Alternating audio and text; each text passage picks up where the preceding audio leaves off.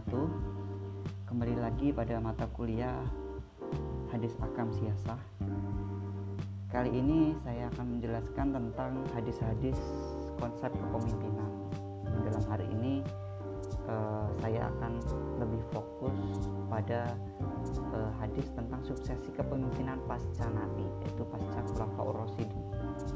Yang pertama adalah hadis tentang kepemimpinan Abu Bakar As-Siddiq radhiyallahu anhu redaksi hadisnya sebagai berikut. Haddatsana Ubaidullah ibnu Sa'id haddatsana Yazid ibnu Harun akhbarana Ibrahim ibnu Sa'id haddatsana Salih ibnu Kaisana an Zuhri an Urwata an Aisyah qalat qala li Rasulullah sallallahu alaihi wasallam fi maradihi. Ud'ai li Aba Bakrin wa akhaki hatta aktuba kitaban fa inni akhafu ayyatamanna mutamannin wa yaqula qailun ana aula wa ya'ballahu wal mu'minuna illa Bakrin Terjemahannya Ubaidullah bin Sa'id telah menyampaikan kepada kami ia berkata Yazid bin Harun telah menyampaikan kepada kami. Ia berkata, Ibrahim bin Sa'ad telah mengorban, telah mengabarkan kepada kami. Ia berkata, Soleh bin Kaisan telah menyampaikan kepada kami dari Al-Zuhri, dari Uwah, dari Orwah, dari Aisyah. Ia berkata, Rasulullah SAW berkata kepada eh, kepadaku pada waktu sakitnya, panggillah Abu Bakar dan saudaramu sehingga aku akan menuliskan sesuatu. Aku khawatir ada orang yang berambisi dan berkata akulah yang lebih berhak. Ini berarti soal kepemimpinan. Allah dan orang mukmin enggak enggan kecuali terhadap Abu Bakar. Takrit hadis ini atau uh, tinjauan secara kualitas hadisnya hadis di atas telah ditakrit Sahih Muslim artinya bisa dijadikan itu ya uh, landasan hukum. Penjelasan hadisnya hadis tersebut menjelaskan bahwa Nabi SAW mengetahui akan terjadi perdebatan di antara sahabatnya tentang siapa yang akan menggantikan kepemimpinan. Karena tadi hadis kan berbicara konteks uh, ketika Nabi sakit dan memprediksi akan terjadi gejolak kalau Nabi sudah meninggal terkait dengan kepemimpinan. Untuk mengatasi hal tersebut, maka Rasulullah berniat akan menuliskan wasiat. Menuliskan sesuatu itu menuliskan wasiat. Wasiat tersebut akan diserahkan kepada Abu Bakar As-Siddiq. Kelompok Al-Sunnah menjadikan hadis tersebut menjadi basis tekstual atau dalil adanya penunjukan otoritas kepemimpinan politik Abu Bakar. Artinya langsung ditunjuk oleh uh, Nabi peninggal Nabi Muhammad SAW secara implisit sehingga Abu Bakar dikenal sebagai khalifah pertama dalam sejarah Islam. Namun, mayoritas ahlu sunnah meyakini bahwa Nabi SAW tidak menunjuk siapa pun sebagai khalifah karena sesungguhnya belum mengetahui apa yang sedang mau dituliskan di sana. Sepeninggal beliau, pendapat ini diperkuat dengan jawaban Umar bin Khattab saat diminta agar menunjuk penggantinya sebagai khalifah. Dia menjawab, Fain astakhlif faqad istakhlafa man huwa khairun minni yakni Abu Bakrin wa in atsurkum faqad tarakakum man huwa khairun minni Rasulullah sallallahu alaihi wasallam. Jika ada yang menunjuk penggantiku maka itu pernah dilakukan oleh orang yang lebih baik daripadaku yaitu Abu Bakar. Dan jika pengangkatan itu akan uh, itu aku serahkan kepada kalian maka itu pun pernah dilakukan oleh orang yang lebih baik dari aku yaitu Rasulullah Shallallahu Alaihi Wasallam. Riwayat di atas juga menunjukkan bahwa prosesi pengangkatan khalifah khalifatul Rasul, pengganti Rasul diserahkan uh, sepenuhnya kepada umat Islam. Oleh karena itu, para sahabat menggelar syuro atau musyawarah, majelis syuro di balai uh, Bani Sa'idah dan berakhir dengan terpilihnya Abu Bakar. Jadi oh itu bukan otoritas, artinya Nabi itu memanggil Abu Bakar kemudian meminta selembar kertas itu bukan karena memang menunjuk Abu Bakar tapi memang mau mewasiatkan.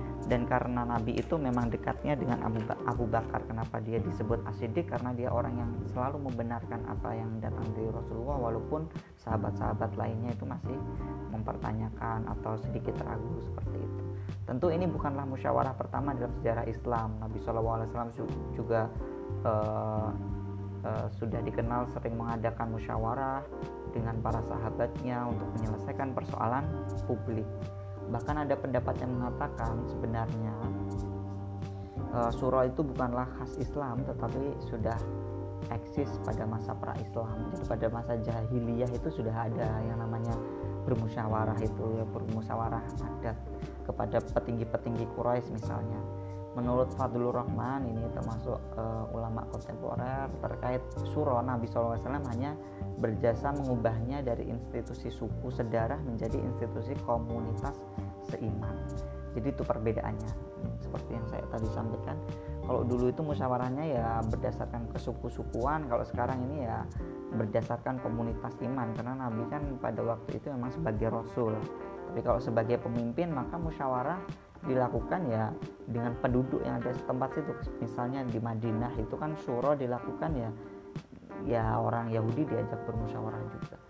Meskipun e, ketiadaan penunjukan figur tertentu menjadi pengganti Nabi menurut Ahlus Sunnah bukan berarti persoalan kepemimpinan politik pasca kenabian itu tidaklah penting ya. Penting. Nabi bersabda dalam hadisnya idaka nasalah satu visa paling value amiru ahadahum. Ini menunjukkan pentingnya dari kepemimpinan. Jika ada tiga orang bepergian hendaknya mereka mengangkat salah seorang di antara mereka menjadi pemimpinnya.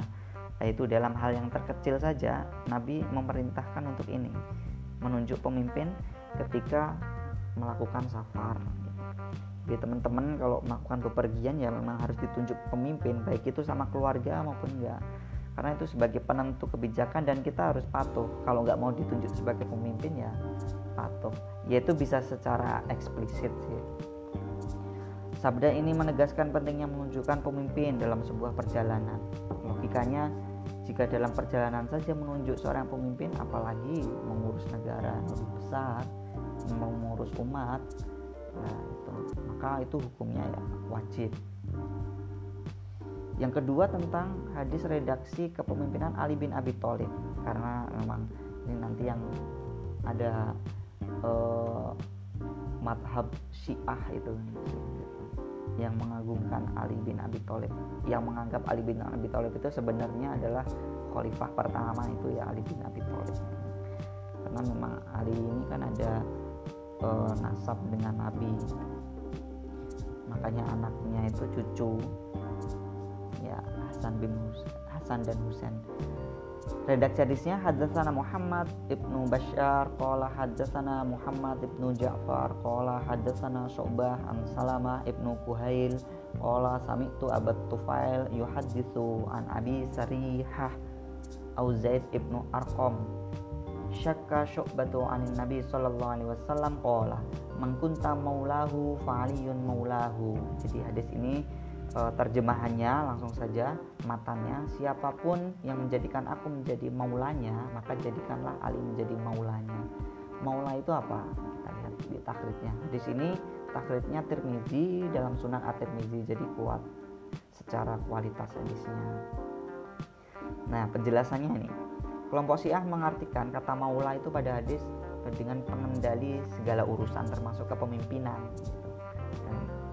Tadi disebutkan barang siapa yang e, menjadikanku maula maka Ali maula. Berarti kalau Nabi jadi pemimpin berarti ya pemimpin selanjutnya ya Ali gitu. Jadi ini berbicara terkait dengan logika sih. Kemudian hadis menjadi bukti bahwa Nabi telah melantik penggantinya atau pemimpin politik dan agama sepeninggal beliau. Nah, ini menurut orang Syiah gitu. Hadis di atas merupakan sabda uh, asbabun nuzul dari surat Al-Maidah ayat ke-67 ya ayuhal ya ayuhar rasul balik ma unzila ilaika min rabbik lal akhir sampai akhir. Nah, kelompok Syiah meyakini bahwa Nabi SAW menunjuk Ali sebagai khalifah. Itu khalifah sore secara eksplisit. Sebab penunjukan Ali sebagai khalifah adalah bagian dari penyampaian risalah Nabi sebagaimana yang dijelaskan pada ayat tersebut. Nah, terjemahnya saya bacakan, wahai Rasul sampaikanlah apa yang diturunkan kepadamu dari Tuhanmu. Dan jika kamu tidak lakukan berarti kamu tidak menyampaikan risalahnya. Allah memelihara kamu dari gangguan manusia. Sesungguhnya Allah tidak memberi petunjuk kepada orang-orang yang ingkar. Nah ini apa yang diturunkan kepadamu dari Tuhan. Oke, uh, di sini penunjukan Ali sebagai khalifah itu bagian dari penyampaian risalah Nabi ceritanya sebagaimana yang dijelaskan dalam ayat tadi. Menurut kelompok Syiah, kepemimpinan Ali dilanjutkan oleh garis keturunannya yaitu Hasan bin Ali, Husain bin Ali, Ali bin Husain, Muhammad bin Ali, Ja'far bin Muhammad. Itu menurut mereka. Jadi harus ada berkesinambungan. Harus disampaikan kan. Sehingga kelompok ini dinamakan Syiah Isna Asyarah, 12 imam atau Syiah Imamiyah. Keberadaan tentang 12 figur khalifah atau imam ini pun diyakini kelompok Syiah berasal dari eksplisit teks-teks e, keagamaan. Saya kira itu dulu. Nanti sudah 11 menit barangkali nanti bosan. Uh, ke depan kita akan bahas tentang kepemimpinan khilafah. Nah ini sebenarnya khilafah itu produknya Islam atau uh, hanya salah satu formulasi saja pada waktu itu yang disepakati atau bagaimana? Nanti di pertemuan selanjutnya. Wow alam biswab. Assalamualaikum warahmatullahi wabarakatuh